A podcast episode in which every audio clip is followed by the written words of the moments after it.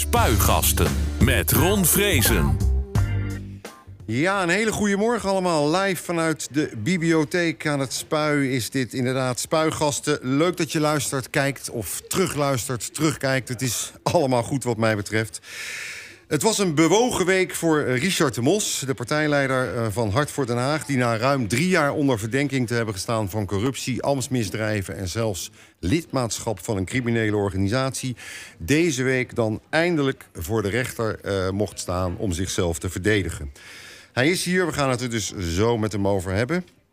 En ook over zijn partij, die vandaag uh, tien jaar bestaat... met, zoals ze zelf zeggen, politiek die echt naar de mensen luistert... En om daarover mee te praten is hier straks ook de fractievoorzitter van de Partij van de Arbeid, Janneke Holman. Want is het dan zo dat die andere partijen dat niet doen en dat die te weinig zichtbaar zijn in de stad? Er is een klimaatdemonstratie aangekondigd, een blokkade op de A12. Daar gaan we straks even kijken hoe het er daarvoor staat uh, aan de Utrechtse baan. En daar gaan we het ook even met de gast die hier aan tafel uh, over hebben. Maar eerst dus uh, die rechtszaak. Meneer De Mos, goedemorgen. Goedemorgen, Ron. Ja, eindelijk dan voor de rechter. Hoe was het deze week? Nou ja, het is natuurlijk een dubbel gevoel. Uh, je hebt natuurlijk uh, ontzettend veel zin om, om de, hetgeen wat gezegd is te, te weerleggen. Om zaken in de juiste context te plaatsen. en om de weg richting vrijspraak te bewandelen. Anderzijds is het natuurlijk gewoon wel gewoon zwaar. Het is, wat maakt het nou voor u met name zwaar? Nou ja, je wordt natuurlijk daar de hele dag onderworpen aan aan tal van vragen. Dus aan het eind van de dag ben je gewoon echt kapot. Ik ben normaal gesproken een nachtmens. Ik heb nu de hele week uh, ging ik uh, om tien uur met de kip op stok. Ja? Ja. Want ik, ik, las ook, want ik heb, uh, ik heb het een beetje geprobeerd te volgen via de tweets van Lieneke Jong, uh, Lieke Jongbloed van de Telegraaf. Die bijna woordelijk vertelde wat er allemaal gebeurde in de Ja, die kan snel typen, ja. En, die, en daar stond ook uh, op een gegeven moment in dat u zei: ik, heb al, ik slaap helemaal niet meer deze week. Nee, dus je wil slapen, maar dat, dat, dat lukt dan niet. Dus je gaat vroeg naar bed, je bent moe. Uh, maar dan, word je, dan ben je aan het draaien, je wordt wakker. Uh, je gaat er dan weer uit. Nou ja, goed, uh, ik zou het allemaal besparen wat ik allemaal in het nachtleven doe. Maar en wat voor is, emoties roept het bij u op? Nou ja, je bent onrustig. Dat is misschien het, het goede gevoel. Dus je bent on, onrustig met in, het, in de zin van... nou, ik vind van mezelf dat ik niks fouts heb gedaan. Dat ik altijd naar eer en geweten het belang van de stad voorop heb gesteld. En dat je dan al 3,5 jaar wordt onderworpen aan een soort van tribunaal. Vooral via de media. Uh, dat doet pijn. Uh, je goede naam ligt uh, te grabbel. Je, je, bent ook vader. Je wil bijvoorbeeld dat je kind ook trots op je is. Nou, dat is het niet als het de krantenkoppen leest. Want het is een, een corrupte man. Daar word je niet vrolijk van. En dan de energie om je te verdedigen. Ja, daar word je heel onrustig van. Dus je gaat s'nachts ga je de dag nog een keer afspelen. En dan schrik je wakker. En uh, nou goed, dan ga je eruit. En dan ja. probeer je weer uh, te slapen. Nou goed, uh, dat is een rollercoaster van allerlei emoties. Boos. En ik heb gelukkig ja, ben ik wel behept met wat humor om het voor mezelf altijd uh, te relativeren. We hebben daar gelukkig in de rechtbank ook zelfs om kunnen lachen. Uh, maar het is natuurlijk geen feest. Nee. Laten we wel en dan ga ik u hier op zaterdagmorgen, terwijl u vandaag uh, het feestje met uw partij vier ook nog eens een keer lastig Ja, maar dat, met, dat had ik ook wel met, verwacht. Met kritische vragen ja, daarover. Mag ook. Uh, daarover uh, gesproken. Um, eerst even het beeld wat u oproept. Uh, dan zie ik en dan hoor ik dat u met een limousine aankomt rijden voor de rechtbank. En dan vraag ik mezelf af, is dat nou wel verstandig? Want daarmee versterk je een beetje het beeld van penose. Nou ja, het is een, dan, dan, dan, dan, dan gaat het heel slecht met de uh, prognose in Nederland. Dat is een hele oude barrel van Jelle Meijnen. Nou, maar die misschien we, juist Die we met vrijwilligers hebben opgeknapt. En het is ook een, een, een nee, maar waarom, waarom doet u dat? Waarom doet u dat? Het is een knipoog naar onze... ja, is het een knipoog? Nee, het knipoog een naar onze... nee, knipoog naar onze onschuldigheid. naar onze onschuld. het is ook om te laten zien aan de stad van... we zijn springlevend en we hebben onze humor niet verloren. Onze stijl van politiek bedrijven gaat niet kopje onder, die ombudspolitiek. Ja, en wij hebben altijd zo uh, campagne gevoerd. En wij zijn altijd op zo op, op maar voor een rechtbank ga je dat toch geen campagne dus, voeren? Dat laten we dus gewoon niet, niet veranderen. En dat laten we door niemand afnemen. En ik heb geen campagne gevoerd. We hebben laten zien dat wij als partij zijn die, de partij die, die we zijn. Een partij met uh, hart op de tong. Een partij die uh, altijd knokt voor de stad. Een partij met een grote achterban. We waren daar gelukkig ook met supporters. En een partij die ook de nodige dosis humor heeft. En ja, het is geen leuk iets. Maar laat humor nou maar wel overeind houden. Dus, ja. en dat is voor mij belangrijk dat ik overeind blijf. Oké, okay, ander voorbeeld, een beetje in het verlengde hiervan. Toen ik u sprak na die première uh, voor de pers uh, van, de, uh, van de film, de documentaire Napels aan de Noordzee.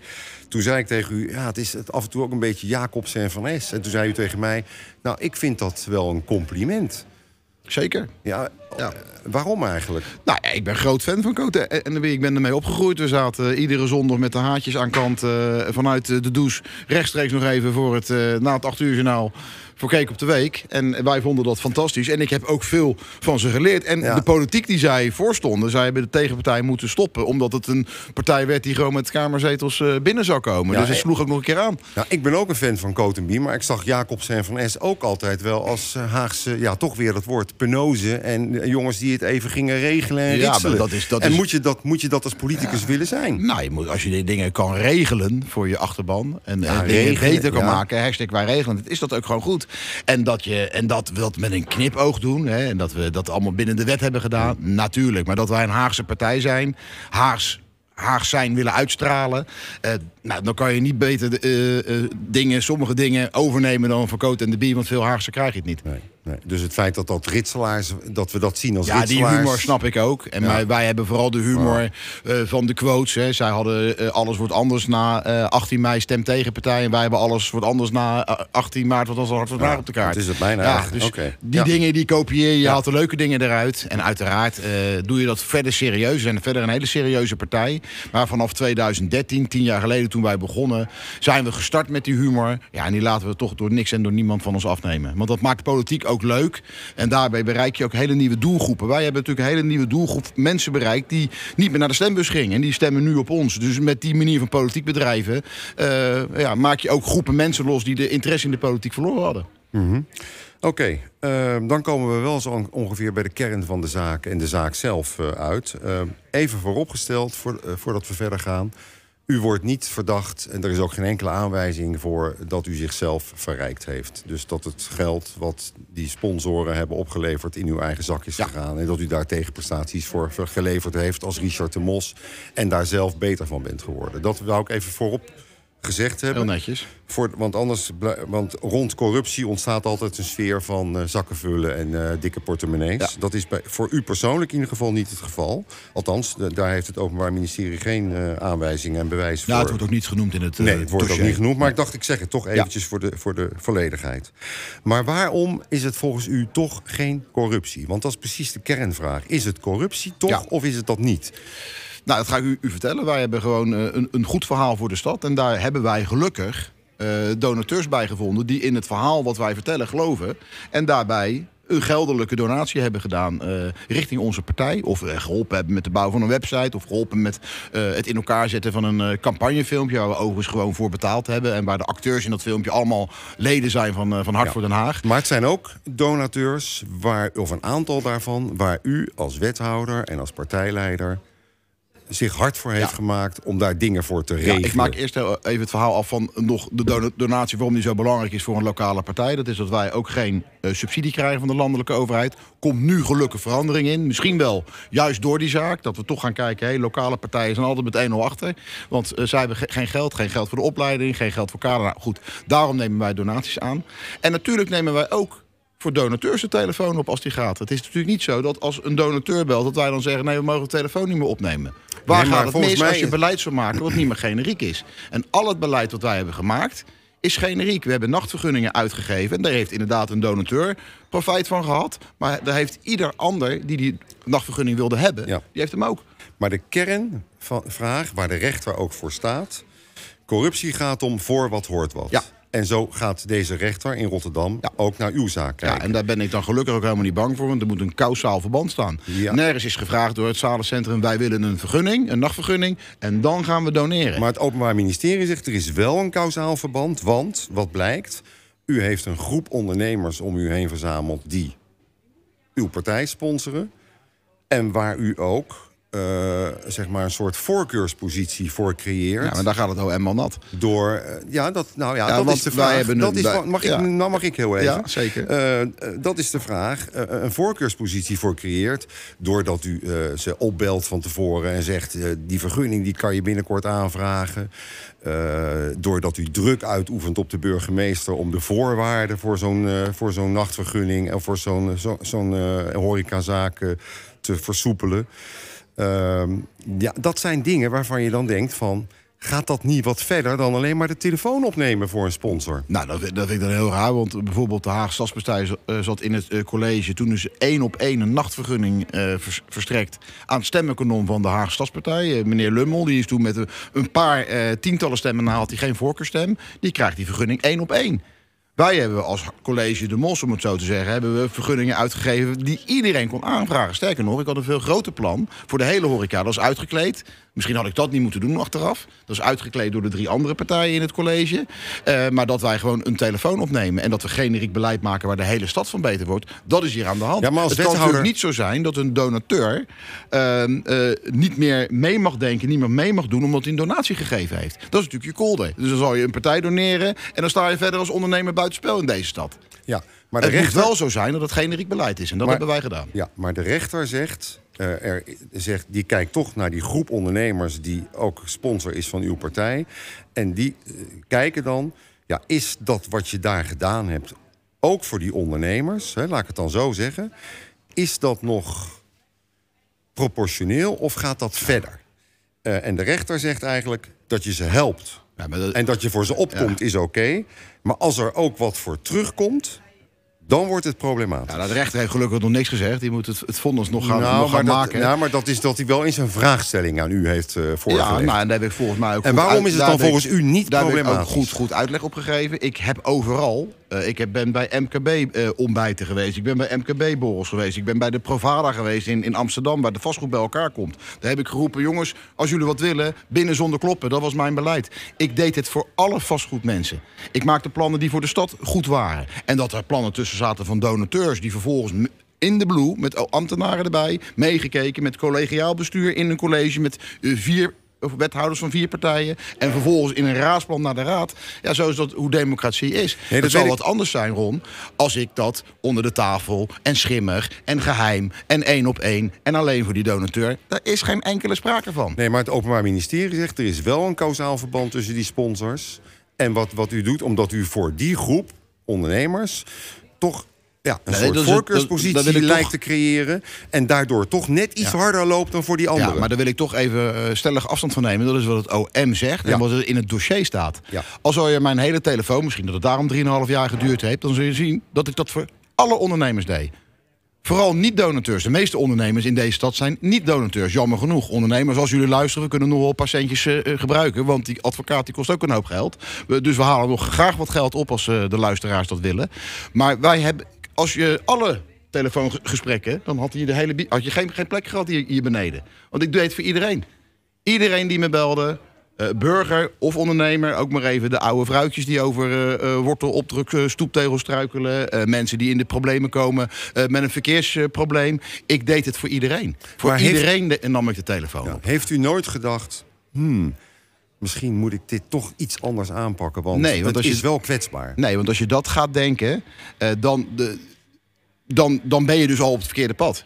Ik heb gedaan wat ik heb gedaan omdat ik geloof in het beleid wat ik voorsta. Omdat ik geloof in de ombudspolitiek. Omdat ik geloof dat plannen waar je ondernemers voor nodig hebt. En iedereen denkt maar ja, een plan en de gemeente regelt het wel op papier. Nee, dan heb je mensen nodig die durven te investeren. Mind you, in de Leiweg, daar wil geen hond dood gevonden worden. Dus ik was blij dat ik eindelijk investeerders had. Niet alleen donateurs. Ik had de McDonald's, ik had Domino's Pizza's, ik had Hommerson, ik had Rock Art.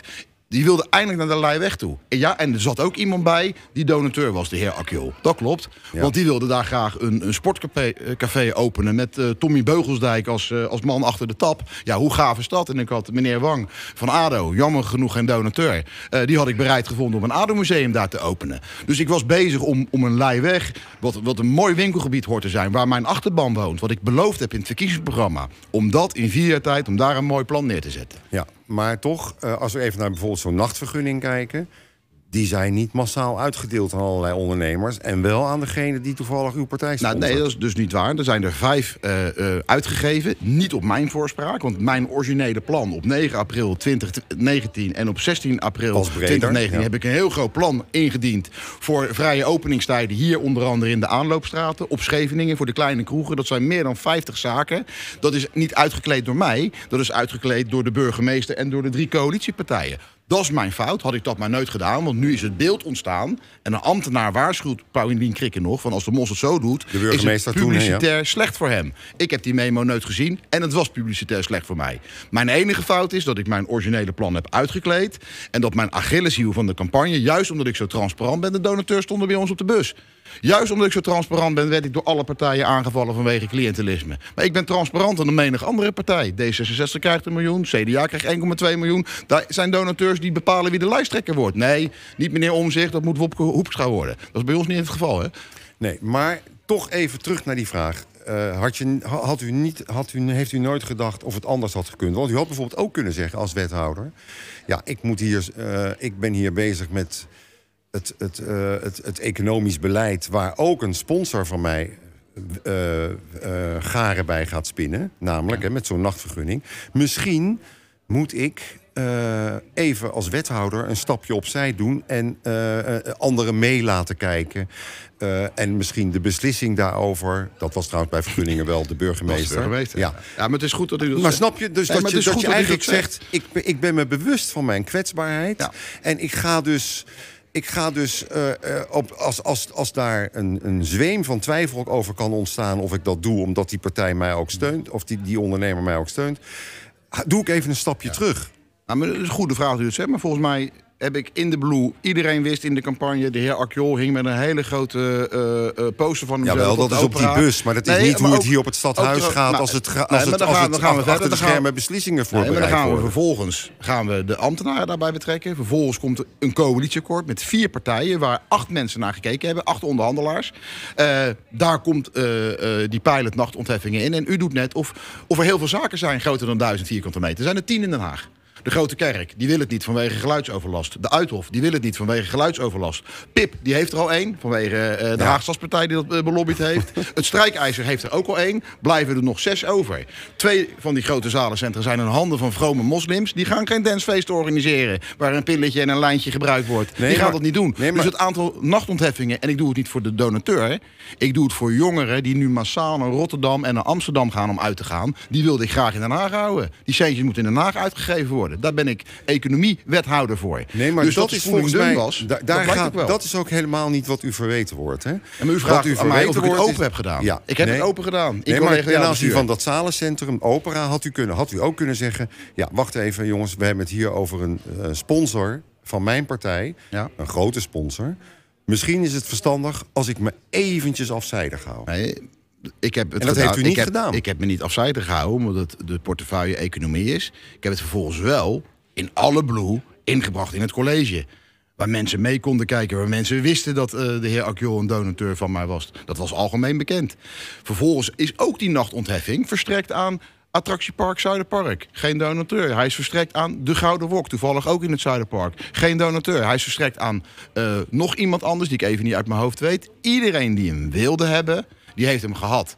Helaas heeft niemand dat omgezet in Dancefeest, want daar was ik naar op zoek. Al sinds dat ik in de Haagse Raad zit, heb ik gezegd... jongeren, die kunnen hier... Nou, het is vergelijkbaar met Schin op Gul. Je kan hier s'avonds met de kip op sok, jongeren kunnen nergens na, eh, naartoe. Ik wilde die nacht nieuw leven inpompen. En er zijn maar een paar mensen die dat wilden. En de heer Akjol zegt, nou, als ik hier een ruimte heb... waar ik 5.000, 6.000 mensen kan her, eh, huisvesten... dan doe ik dat met liefde, want dan kunnen die jongeren bij mij Nee, uit. dat begrijp ik. Dat is de inhoud van het verhaal. Maar u geeft toch geen antwoord op de vraag die ik Ja, stel. misschien het antwoord niet het antwoord u wil nee, had je niet beter kunnen zeggen... dit is kwetsbaar voor mij, want het is een grote sponsor die dit vraagt. Ja. Ik, doe even, ik laat het even over aan anderen. Ja, misschien had ik dat moet- moeten doen, Ron. Maar eh, luister, ik lever een groter plan in. Tot twee keer toe.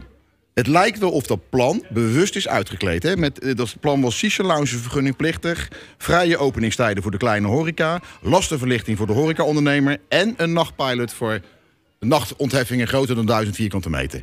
Dat is uitgekleed door drie andere partijen... waarvan de burgemeester in een memo gehoord heeft gekregen... als de mos het zo doet, is het publicitair slecht voor hem. Misschien was dat het idee wel. En het was zeer publicitair slecht. Dus mijn dat fout u, is dat dat u ik eh, in een fuik wilde drijven. daar lijkt het wel op. Mijn fout is, en daar lijkt het ook op uit het dossier... mijn fout is dat ik het uitgekleed heb. Ik had gewoon moeten doen... jongens, we hebben het in het coalitieakkoord zo afgesproken... we gaan gewoon die vier dingen tegelijkertijd doen. Ja, maar toch nog steeds niet. U zegt, ja, dat had ik misschien moeten doen. Een Nee, maar ik ben blij als wethouder als je dingen voor elkaar Nee, dat begrijp ik Die wel. in je verkiezingsprogramma De stonden. kern Die- van mijn vraag is eigenlijk, als je terugkijkt... is er dan niet iets waarvan u nu zegt... dat had ik anders moeten doen. Ja, ik zeg dus, ik had dat plan in zich heel Ja, aan, dat, aan, aan moeten dat. bieden. Maar ook ten aanzien van Omdat ik, weet, omdat ik weet dat ik in het belang van de stad handel. Ik weet dat ik het heb gedaan, dat ik ruimte zocht... al vanaf het moment dat ik in de Haagse Raad kwam... dat ik ruimte zocht, en niet een donateur... maar ruimte waar jongeren uit kunnen gaan. En die zijn heel dun bezaaid in onze stad. Goed. Ehm, wat nou... U denkt van niet, maar wat nou als u veroordeeld wordt? Ja, daar ga ik ook echt niet van uit. Dat, dit, ik, daar wil ik nu nog niet eens aan, eh, aan, aan denken. Want dan zou ik helemaal gek worden. Want ik weet dat ik, eh, dat ik nou, u heeft het gelukkig zelf gezegd dat ik eh, mezelf niet verrijkt heb. En ik heb altijd in de goede intenties voor de stad Den Haag gehandeld. Dus ik ga gewoon echt uit van vrijspraak en, ja, en niks minder eigenlijk. Ja, maar de rechter moet gaan beoordelen. Zeker. Want u, u, u heeft in een. Dat is toch een. Het is een, niet alleen voor u, maar het is een grijs gebied. Hè? Ja. Sponsors, transparantie, hoe ga je daarmee om? Eh, wat doe je ervoor terug? Eh, Mhm. is, dat, is dat in het algemeen belang of is dat in het belang van die. Van die... De rechter moet daar uiteindelijk. Zeker, een oordeel over ja. geven. Ja. En ik hoop nog. dat ik rechter heb kunnen overtuigen en nog ga overtuigen de komende eh, dagen en, en weken. Want dat gaat nog twee weken duren, eh, eh, het, de, de zittingsdagen. En ik hoop ook dat straks bij het slotpleidooi van meester Plasman ook naar voren komt. dat we naar eer en geweten gehandeld hebben. Dat we niemand hebben bevoor of benadeeld. En dat we gewoon met de juiste intenties voor de stad gehandeld hebben. Daar ga ik heilig van uit. En ik ga ook echt uit van, van vrijspraak. Nou, we gaan zo meteen met u verder praten over eh, de manier waarop Hart voor Den Haag politiek eh, bedrijft. En hoe zich dat verhoudt tot andere partijen, hoe die dat doen. Vandaag viert u ook feest. Daar Gelukkig ik mee. wel, ja, Tien ja. jaar Ja. eh, bestaan van de partij. Is dat toch niet een beetje een feestje met een smet? Nou, tuurlijk, tuurlijk. Kijk, ik ga niet zeggen, hè, we zullen, eh, straks heb ik eh, natuurlijk een toespraak voor mijn achterban. Eh, ja, daar hebben we het ook over de zaak. Eh, maar we zijn als partij Springlevend. Het aantal leden neemt alleen maar toe. We hebben ondanks deze zaak nog een zetel erbij weten te bemachtigen in 2022 bij de verkiezingen. Natuurlijk is hij smetten. En het is ook heel fijn als hij straks achter ons is en dat we verder kunnen. Op naar de komende tien jaar. Eh, maar we gaan vandaag ook stilstaan bij alle mooie momenten die we hebben beleefd als partij. Oké, we praten zo verder. Heel graag. Ja, u luistert naar Spuigasten. Eh, Het is eh, even over half twaalf. En we gaan zo meteen praten over de manier waarop je als raadslid politiek bedrijft met de stad. Dat doen we met Richard de Mos en Janneke Holman van de Partij van de Arbeid, fractievoorzitter ook. Maar we gaan eerst eventjes kijken eh, bij de Utrechtse baan. Waar, als het goed is, om 12 uur klimaatactivisten van Extin- Extinction Rebellion een blokkade van de snelweg willen uitvoeren. Eh, en de vraag is even, eh, hoe is het eh, daar op dit moment? Daarvoor hebben we contact met Radio West-verslaggever Owen O'Brien. Goedemorgen. Goedemorgen, Ron. Goedemorgen. Ja, de belangrijkste vraag is natuurlijk... hoe is de situatie op dit moment? Een half uurtje voordat die blokkade moet worden uitgevoerd daar... als het aan die activisten ligt. Ja, ja, het is spannend. Het is afwachten. Ze zijn er nog niet. Ehm, wel is er hier eh, rondom het Malieveld eh, heel veel politie. Ik heb eh, bikers gezien, ik heb motoragenten gezien. De mobiele eenheid is aanwezig. Er rijden busjes van de aanhoudingseenheid van de politie rond. En ook bij het station, Haag Centraal, is politie. Dus ja, ze zijn op alle scenario's voorbereid. Alleen ja, nog geen klimaatactivisten hier zo. Dus er staat alleen maar een enorme politiemacht. Ja, eigenlijk wel. Maar ja, en ik zie eh, ook wat mensen met een camera en ook wel eh, wat mensen die eh, ja, toch wel nieuwsgierig staan af te wachten eigenlijk, net, net als wij. Ja, maar die klimaatactivisten, die, of ze komen niet, maar dat lijkt me sterk... of ze komen ineens als een duveltje uit een doosje. Moet ik dat zo zien? ja, dat, dat verwacht ik eigenlijk ook. eh, Want het is geen aangekondigde demonstratie natuurlijk. Hè? Het is ook niet een demonstratie waar ze een vergunning voor hebben aangevraagd. Het is eigenlijk Nee. een soort actie die ze uitvoeren. ja, ja. dat klopt inderdaad. Dus het, is echt eh, even spannend, afwachten. Oké, nou, we gaan het eh, horen. Mocht er nog nieuws zijn, eh, dan vind ik het leuk als je voor 12 nog even terug in de uitzending komt. Maar Geen enkel voor probleem. nu bedankt en succes daar zometeen. Dankjewel. Oké. Succes met het uitzending. Ja, eerst even hier dan maar over. De grote vraag is, en dan begin ik even met Janneke Holman, onze gast die we nog niet gehoord hebben. Is dit nou eh, iets wat je moet toestaan? Want het recht op demonstreren is nou eenmaal een groot goed. En dan moet je eigenlijk tot het uiterste toe gaan om dat mogelijk te maken, of niet? Ja, ik vind wel dat dit iets eh, is wat moet worden toegestaan. Uh, en uh, ik vind het uh, doel waarvoor ze daar staan ook wel echt belangrijk vandaag. Het is ook een logische plek tussen de Tweede Kamer en het ministerie van Economische Zaken. er is toevallig wel een snelweg daar op, tussen die twee plekken. Het is inderdaad een snelweg, al is het op, op, dat stukje mag je geloof ik 50 km per uur. Dus het is ook niet dat die mensen straks de vangrail overstappen en een hele snelweg op die manier waar 120 gereden wordt, 100 tegenwoordig geblokkeerd wordt. Dus uh, ja, ik vind wel dat we in Nederland het eh, demonstratierecht uh, moeten beschermen en dat ook zoveel mogelijk moeten faciliteren. En je zag natuurlijk de afgelopen week met die arrestaties die zijn gedaan van activisten die op social media hadden aangekondigd om daarheen te gaan en andere mensen daartoe opriepen. Nou, dat vind ik wel echt een grens overgaan die we in Nederland niet moeten overgaan. Nee, maar u bent het dus niet eens met burgemeester Van Zalen... die een oproep heeft gedaan aan die organisaties die hierachter zitten... en heeft gezegd, ja, demonstratie is een, demonstreren is een groot goed... maar je mag het recht niet inzetten als een dwangmiddel... en de veiligheid wordt op deze manier ernstig in het gedrang gebracht... En uh, je overschrijdt hiermee de grenzen van het demonstra demonstratierecht, zegt Van Zanen. Ja. Maar daar bent u het dus niet mee eens? Nee, daar ben ik het niet mee eens. En je ziet daar de afgelopen dagen ook de, de discussie over. Uh, ook organisaties als uh, Amnesty en het uh, College van de Rechten van de Mens hebben daar een andere mening over. hoogleraren die expert zijn op het gebied van demonstratierecht zeggen ook wat anders. Dus ik vind het heel goed als we hier een, debat over hebben met elkaar in Nederland. Wat mag wel en wat mag niet. Maar ik vind hoe de burgemeester het benadert echt te star en te nauw. Maar is het niet zo dat je de veiligheid in gevaar brengt van automobilisten, maar ook van de actievoerders zelf? Nou, deze demonstratie is natuurlijk echt al heel lang aangekondigd. Volgens mij echt al maanden geleden. Ja, wat maakt datum, dat tijdstip, locatie. Um, en ik vind dan dat het aan de overheid is om dat te faciliteren. Uh, je kunt natuurlijk gewoon wegomleidingen doen. Uh, zorgen dat het geen gevaar oplevert. En uh, dan kan zo'n vreedzame demonstratie, want dan is het, kan gewoon doorgang vinden. Oké. Okay. Meneer De Mos? Ja, ik sta helemaal achter de lijn van uh, burgemeester Van Zanen. De, inderdaad, uh, demonstreren is een groot recht. En ook voor de klimaatactivisten moet alle ruimte zijn om te demonstreren voor de idealen waar zij in geloven.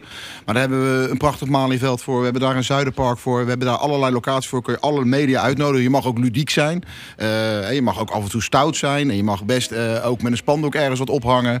Maar we gaan geen dingen kapot maken. En we gaan ook niet zorgen voor ja, opstoppingen op op een, een notabene een, een hoofddoorgangsweg eh, van Den Haag. Dat is ook gevaarlijk. Inderdaad ook voor de demonstranten zelf. Ga demonstreren, uh, maak herrie, nodig alle media uit. Verkondig je boodschap. En volgens mij zijn ze daar ook heel goed in, ook via social media.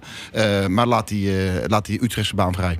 Maar dan bent u partij van Hart voor Den Haag. En u maakt er geen geheim van dat u ook hart voor de boeren heeft. Zeker. Wat is het verschil tussen klimaatactivisten nou, die, de, de, die, de, weg blokkeren en boeren die dat doen? Ja, voor de boeren moet dat ook niet gelden. Die, we hebben toen heel, uh, hebben de boeren gesteund als Hart voor Den Haag. Toen ze naar het Malieveld gingen, toen was het probleem dat ze met de trekkers uh, het grastak kapot maken. Wat ze overigens daarna gelukkig op eigen kosten weer hersteld hebben. Maar je moet, en dat is moeilijk, dat geef ik er wel, wel, wel toe. Hè. Je moet mm. voorkomen dat je je, je politieke kleur leidend laat zijn voor wat wel en, en niet mag. Maar eigenlijk moet wel de boodschap gewoon zijn uh, dingen die niet mogen, moeten demonstranten niet doen. En ze moeten demonstreren daar waar ze kunnen demonstreren. Of het nou boeren zijn of mensen van de, de, klimaatactivisten. daar waar het kan. Oké. De VVD-fractievoorzitter, jullie collega in de gemeenteraad, die heeft gezegd... iedereen die daar straks meedoet, oppakken en vervolgen. Daar bent u het dus mee eens? In principe wel, ja. Als de burgemeester, zeker als de burgemeester aan de voorkant ook een oproep doet... om, om dit niet ja. te doen. En u niet? Nee, dan ga ik ook een uh, middag in de cel tegemoet, want ik ga er zo even heen. Oh. Uh, nee, ik ga niet uh, op de snelweg liggen, maar er is daarnaast ook een solidariteitsdemonstratie. En daar ga ik straks wel kijken. Ook omdat ik gewoon als raadslid van dichtbij wil zien van wat gebeurt hier nou en hoe wordt hier ingegrepen. Ja. Maar ik ben het er niet mee eens dat mensen daar worden opgepakt straks. Als gemeenteraadslid ben je, dan, dan ben je niet onschendbaar, hè, geloof ik. Dus, uh, nee, zeker niet. Ik zou oppassen als ik u was. Oké, goed. We gaan uh, naar het onderwerp waar u hiervoor ook bent. dat is namelijk de manier waarop je politiek bedrijft in en met de stad. Hart voor Den Haag bestaat vandaag tien jaar, de partij van Richard de Mos. En ondanks uh, de roerige partij vindt uh, Richard de Mos zichzelf en de partij nog springlevend, zoals hij net zei. En dat doen ze onder andere met ombudspolitiek. Komt er kort op neer dat je zegt luisteren in de wijken wat de mensen bezighoudt, waar ze mee zitten, wat hun problemen zijn.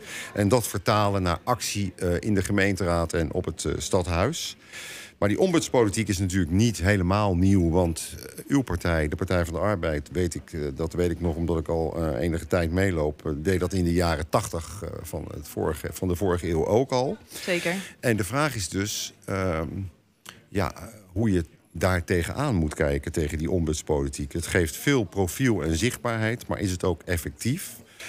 Ehm, en daar wilde ik het eigenlijk over hebben. Want wat, wat is uw mening daarover? Want ja, Hart voor Den Haag is al twee keer nu geloof ik de grootste partij in Den Haag. Dus het levert ze wel succes op. eh, waar u wellicht als Partij van de Arbeid jaloers op moet zijn. Ja, ik zie eh, Hart voor Den Haag natuurlijk eh, zeker dingen doen in de PR waar andere partijen wat van kunnen leren. Wij ook. Ehm, maar wat ik ook vind, is dat eigenlijk elke partij in de gemeenteraad eh, te werk gaat op een manier dat je de wijken ingaat, met mensen spreekt en daar eh, politiek van maakt. Ik doe dat ook op dagelijkse basis. Eh, ik, ik praat met mensen, ik hoor verhalen.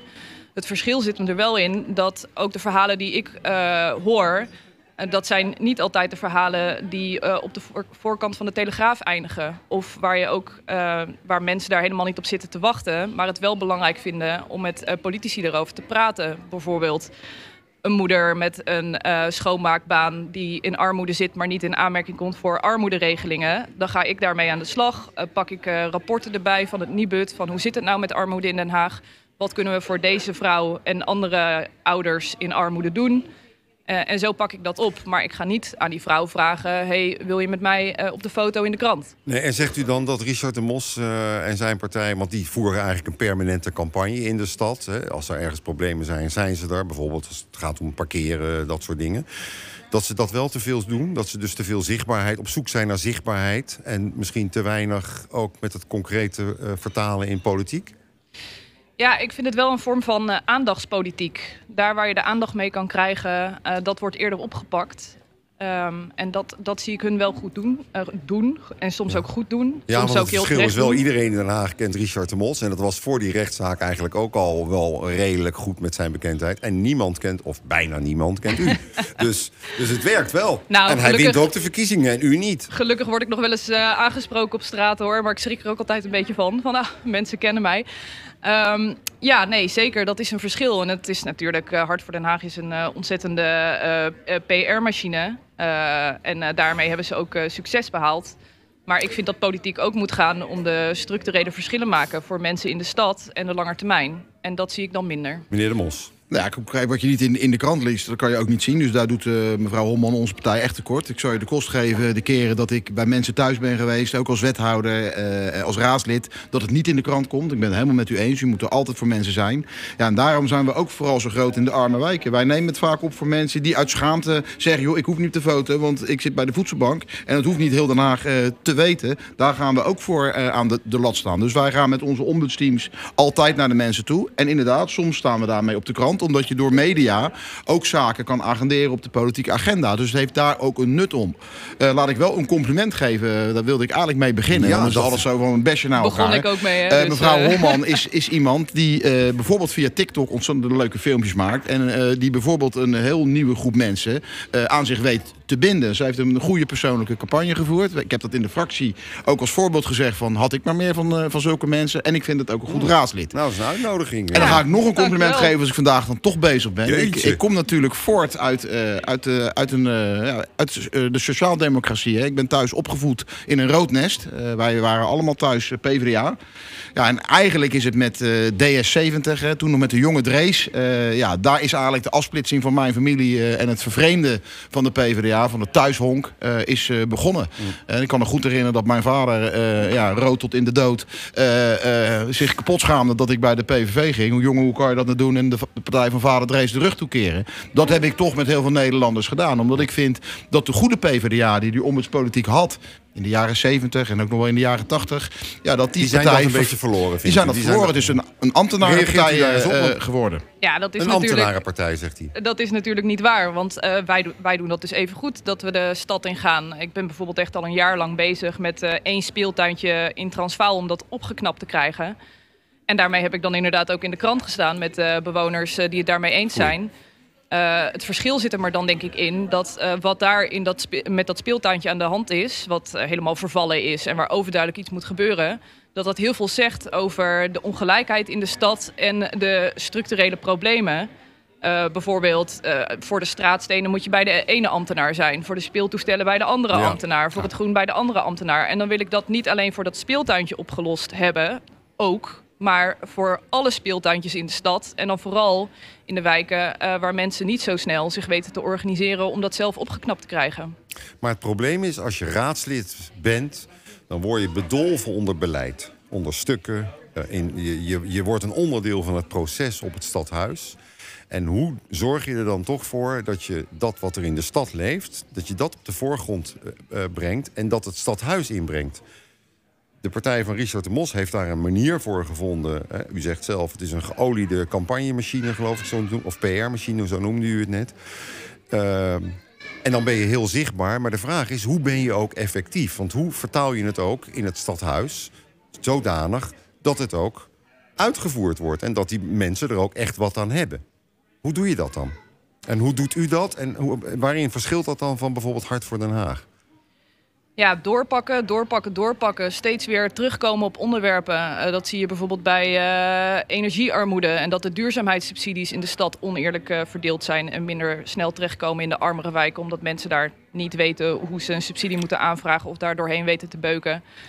Uh, dat gaat mij dan niet om één keer in de krant staan, maar steeds weer op doorvragen van hé, hey, in Amsterdam doen ze dat, in Utrecht doen ze dat, daar is het beter geregeld. Waarom doen wij dat niet op die manier? Ja, dus toch een beetje meegaan in die papierwinkel, want dat is, dat is dan onvermijdelijk, zegt u? Ja, in de papierwinkel zit uiteindelijk ook het verschil. Uh, en dat is heel suf, want ik kan inderdaad een, uh, twee uur in mijn week besteden om allemaal tweets te sturen ehm, en journalisten te bellen.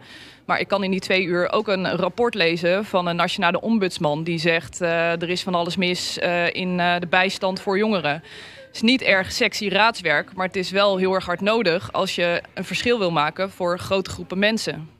Ja, meneer De Mos? Ja, mevrouw Holman probeert nu voor de tweede keer mijn uh, partijen tekort te doen. Dat vind ik toch wel jammer, want wij lezen die uh, rapporten ook. Ik ben zelf behept met ADHD. Ik ben iemand die uh, weinig slaap nodig heeft om, om dingen te doorgronden. Nou, een mooi compliment van, was toch van de oud-vicepremier. Een volksjongen die snel de inhoud doorheeft, heeft Wiegel ooit over me gezegd. Ja, ik lees die stukken ook en vervolgens ga je wel naar de mensen toe. En ik leer mijn raadsleden altijd. Een stuk is buitengewoon boeiend. en dat moet je ook lezen. Dat heb ik ook nog geleerd van mijn oude leermeester Geert Wilde. Die zei, als je respect wil afdwingen in de raad, moet je eerst stukken gelezen hebben. En dan pas moet je een mening vormen. Maar het grootste deel is natuurlijk wat vindt de burger, wat vindt de stad. Uh, en ja, daar besteden wij heel veel tijd en energie in om uh, met wijkvertegenwoordigers, stadsdeelvoorzitters, raadsleden, die moeten de stad in. En sterker nog, bij ons heeft ieder raadslid een stadsdeel moeten adopteren. Ik heb Eskamp geadopteerd en zoals mevrouw Verdonk heeft uh, Bezuidenhout geadopteerd. Nou, zo heeft ieder raadslid van ons heeft een, een stadsdeel ja. waar het nog eens een keer extra naast de portefeuille uh, in moet bijten om, uh, om kennis en kunde te hebben van het stadsdeel.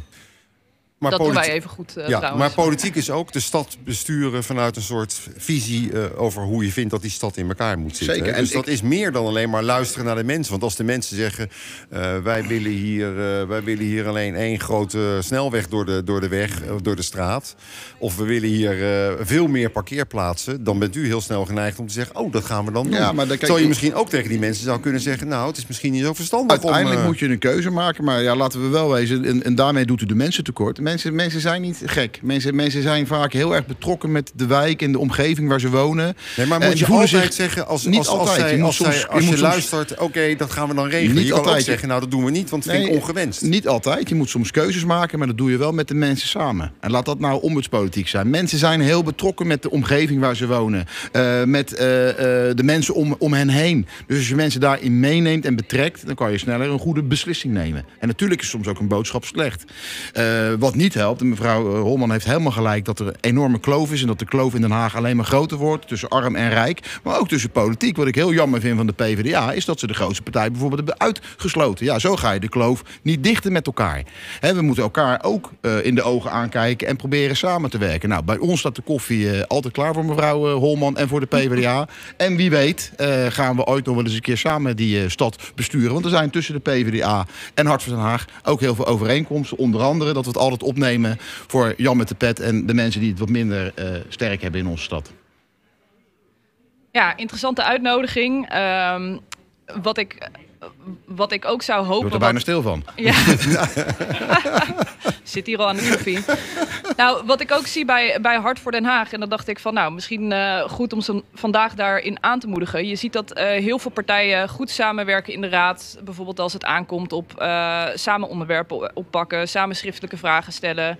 Bijvoorbeeld deze week nog krijg ik gewoon een telefoontje van, eh, van D66. En die zeggen van, eh hey, jullie hebben toch een keer aandacht gevraagd om eh, te kijken of we iets kunnen doen met gratis aanhangers en bakfietsen om je grofvel naar het afvalbrengstation te brengen. Daar hadden jullie toch iets mee gedaan en denk, laten we dit met z'n drieën oppakken. En zo zie je heel veel verbanden in de gemeenteraad. Ik werk veel samen met de ChristenUnie en de Partij voor de Dieren en de SP op daklozen, allerlei onderwerpen. Hart voor Den Haag gaat nog heel vaak solo. En dat, dat vind ik jammer. Het zou mooi zijn als ze ook wat meer eh, in hun politieke werk een uitgestoken hand zouden doen naar de rest. Van eh, kom op, laten we hier. En waarom eh, doen ze dat volgens u solo? ja, ik denk dat je dan toch weer op die aandachtspolitiek zit. Dat, dat scoort het beste naar buiten toe. Hart Nou, voor Den Haag regelt het en wil dit, wil dat. En het is wat lastiger om te zeggen... Hart voor Den Haag en de VVD en D66 en de PvdA hebben het geregeld. Oké, nou, de Nou, dan- laatste woord is ja, van dan het nodig, dan, dan nodig ik mevrouw Holman toch uit om, eh, om het RIS informatiesysteem. U heeft net gezegd dat u heel graag dingen leest. Eh, wij hebben vaak opgetrokken met partijen. We hebben notabene een partij met, met vijf zetels, twee wethouders eh, gegund. Dus wij zijn van het samenwerken. Samenwerken wordt natuurlijk niet bevorderd als drie partijen in de raad zeggen... PvdA, GroenLinks en D66. Jullie partij doet even niet mee. Ja, daar wordt samenwerking niet beter van. Maar eh, eh, het was Zeker, toch, het wij, was toch wij een uitnodiging. absoluut. hè? En die uitnodiging is eh, wederzijds. En volgens mij gaan we zo meteen na deze uitzending de agenda trekken. Want ik vind mevrouw Holman gewoon een goed raadslid. En ook nog een prettig mens om mee samen te zijn. Dus wij gaan gewoon die afspraak maken. We gaan eens kijken of we een mooi initiatiefvoorstel samen kunnen schrijven. Ik, sta, ik ben ja. daar helemaal Dan klaar zegt voor. u ja, ik ben heel benieuwd waarover, maar lijkt Nee, me nou, interessant om eens... Over het ja, verkleinen van de, van de kloof. Laten we dat nou eens Lijkt me als mooi, uitgangspunt Ah, nemen. dat lijkt me een prachtig einde van deze, dit, dit gesprek. Ik eh, dank u beiden hartelijk. Eh, blijf nog even zitten, want we, we hebben- gaan nog eventjes luisteren... wat eh, Marcel Verrek eh, allemaal te, te melden heeft. En we gaan nog even, hoop ik, schakelen met eh, de Utrechtse baan. In ieder geval bedankt. eh, eh, met, eh, en, en succes met de rechtszaak en met het feest vanmiddag. En eh, een prettig weekend in ieder geval alvast. Marcel, goeiemorgen. Ja, wat een hoog gezelschap hier. Geweldig. Eh, maar ik richt mij natuurlijk tot de hele stad. Stadgenoten, niet lang geleden ontving ik een berichtje van Richard de Mos. Het was een ingesproken, ingesproken bericht, want ik kan me voorstellen dat het tegenwoordig niet meer zo graag appt. Richard deed mij een voorstel dat aan de ene kant zeer eervol was en aan de andere kant enigszins ongebruikelijk. Hart voor Den Haag bestaat tien jaar en dat wordt vanmiddag gevierd met een groot feest. Terecht, beter nu dan straks, want je weet nooit of iedereen er er later bij nog bij kan zijn. Eh, Richard vroeg mij of ik hem bij die gelegenheid verbaal wilde roosteren. Wel een beetje mild, voegde hij eraan toe. Dat was natuurlijk zeer eervol en dankbaar en waarschijnlijk ook nuttig. Een heerlijke kluiveren voor de satirisch columnist. Ook al omdat je weet dat de Mos een gezond gevoel voor humor heeft. In ieder geval meer dan sommige van zijn anonieme volgelingen op internet.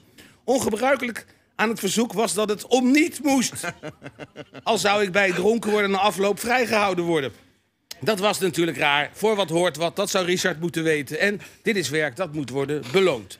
Uit dit dilemma werd ik gered door de omstandigheid dat ik op het genoemde tijdstip niet aanwezig kan zijn, omdat ik dan mijn bijdrage lever aan het NPO-programma, eh één programma in de kantine van WNL. Maar ja, dan dient zich een voor de hand liggend alternatief aan, namelijk hier en nu bij Spuigasten. Hier is Richard en hier ben ik. Dus ja, als je het niet erg vindt, dan steek ik nu van wal. Toch twijfel ik of ik Richard de Mos hier nu moet gaan roosten. Het voelt een beetje als de mosterd na de maaltijd, want Richard is de hele week al geroost. In de rechtbank, in de pers, in de talkshow. Zelfs toch de altijd optimistische, vrolijke en een vrolijke Marcel van Roosmalen haalde hem over de hekel. Hoeveel roost kan een mens verdragen? Het principe van de roost is dat je hele nare, volstrekt ontoelaatbare dingen, grensoverschrijdende dingen over een persoon zegt, die dat dan eigenlijk als een eerbetoon moet opvatten. Want het humoristische sloopwerk bevat dan wel meer waarheid dan je misschien verdragen kan. Uiteindelijk is het een gebbetje, een groteske uitvergroting met een niet venijnige ondertoon. Alles voor de lol. Uiteindelijk is de gerooste figuur een toffe peer. Zijn de belenigingen een middel om te laten zien dat het allemaal spel is. Maar de roostpartijen waar Richard de Mos deze dagen mee geconfronteerd wordt... zijn helaas voor hem allerminst spel. Ik vraag me wel eens af of hij dat zelf in de gaten heeft. Of hij verblind door zijn goede bedoelingen en de toejuichingen van zijn medestanders... niet echt doorheeft dat sommige dingen echt niet kunnen. Als wethouder even bellen dat iemand snel een vergunning moet aanvragen. Ik waardeer het enthousiasme voor de ontplooiing van het Haagse nachtleven. Maar dat kan je als wethouder volgens mij gewoon niet doen. als het allemaal zo gebeurd is. Ik bewonder ook de directe open manier waarop Richard dingen toegeeft en er een onafvolgbare draai aan geeft. Ik was blij dat het gelukt was, dus ik belde even. Het kan niet, maar ik moet er wel om lachen. Het Simplistisch Verbond en de tegenpartij in één quote gevangen. Is Richard de Mos werkelijk zo naïef? Ik ken hem als een intelligente man en dat is geen ironie. Verbaal begaafd, vol goede bedoelingen en soms lomp op de bekende Haagse wijze... die hij zich als geboren Delftenaar behoorlijk goed eigen heeft gemaakt. Een creatieve man, ook zo'n begrip waar je alle kanten mee op kan. Immers waren F. Jacobsen en Tetje van S niet ook zeer creatief. Als het niet om de partijfinanciering gaat, is Richard de Bos denk ik meer een man van het spel dan van de knikkers. Zo er sprake is van zelfverrijking, dan is dat toch vooral geestelijk. Ben in zijn huis geweest, dat oogt niet als een, als een paleis of een dacha van een oligarch. Maar het is een keurige, vriendelijke woning die inmiddels, zeker van de buitenkant, toch al heel vaak op televisie is geweest. En niet in eigen huis en tuin of de perfecte verbouwing. Ik merk wel dat ik enige schroom heb om titels als binnenste buiten, kopen zonder kijken en vooral help, mijn man is een klusser aan dit rijtje toe te voegen, omdat ze makkelijk dubbelzinnig kunnen worden opgevat. Beste Richard de Mos, ik ben benieuwd hoe dit afloopt. Maar laat één ding duidelijk zijn. Ondanks dat het zo vaak zo lijkt, politiek is geen cabaret. Voor deze gelegenheid wil ik graag mild voor je zijn, maar ik ben niet jouw rechter. Tegen jou en alle luisteraars zeg ik daarom tot slot: hou je haags, geniet van het goede en tot snel. Ja, Marcel, dankjewel voor deze column weer. En eh, zometeen succes met je programma Straatwijs. We gaan nog even heel snel eh, schakelen met eh, de Utrechtse baan. Met eh, Owen O'Brien. Hoe is het daar op dit moment, Owen? Ja, Ron, er zijn hier inmiddels eh, nou toch wel, ja, tien, ik denk wel een paar honderd demonstranten die zich hier hebben verzameld aan de rand van eh, het hertenkamp, vlakbij de A12. Eh, en er staat aan de kant van de weg staat aan beide kanten mobiele eenheid, de leden van de mobiele eenheid op linie. Dus dat wil zeggen allemaal naast elkaar met politiebussen daarachter. En de politie heeft net omgeroepen vanuit de wagens dat het eh, nou, niet is toegestaan om de A12 op te gaan. Ehm, ja, en ze zijn eh, in gesprek nu ook met eh, verschillende demonstranten. En de vraag is of ze dat dus gaan doen. Ja, dat is eigenlijk nog steeds nu even de vraag. Want het is wel duidelijk dat de politie daar de grens trekt. Daar, daar op het Ja. Malieveld mogen ze staan, maar zodra ze de Utrechtse baan opstappen, dan zal er ingegrepen worden. Is dat een beetje de samenvatting? Dat, zo kun je het inderdaad samenvatten. Er zijn hier nu ook twee mensen in een rolstoel die worden aangesproken van jongens, ga terug naar dat Malieveld. Daar mogen jullie staan, daar mogen jullie demonstreren. Blijf weg van die A12. Maar of ze daar gehoor aan gaan geven, Ron, dat eh, is nog heel even afwachten. Goed, we gaan het met jou afwachten. En eh, bij Den Haag FM horen we in de loop van de dag eh, hoe dit verder gaat. Dankjewel voor nu en succes daar. Dankjewel. Dit was Spuigasten voor deze week. Volgende week zijn we er weer. En dan eh, zit hier Jano van Beurden terug van vakantie. En helemaal uitgerust eh, voor een nieuwe uitzending. Ik wens u een prettig weekend. En bedankt voor het luisteren, kijken, terugluisteren of terugkijken. Wat u ook maar doet. Dag!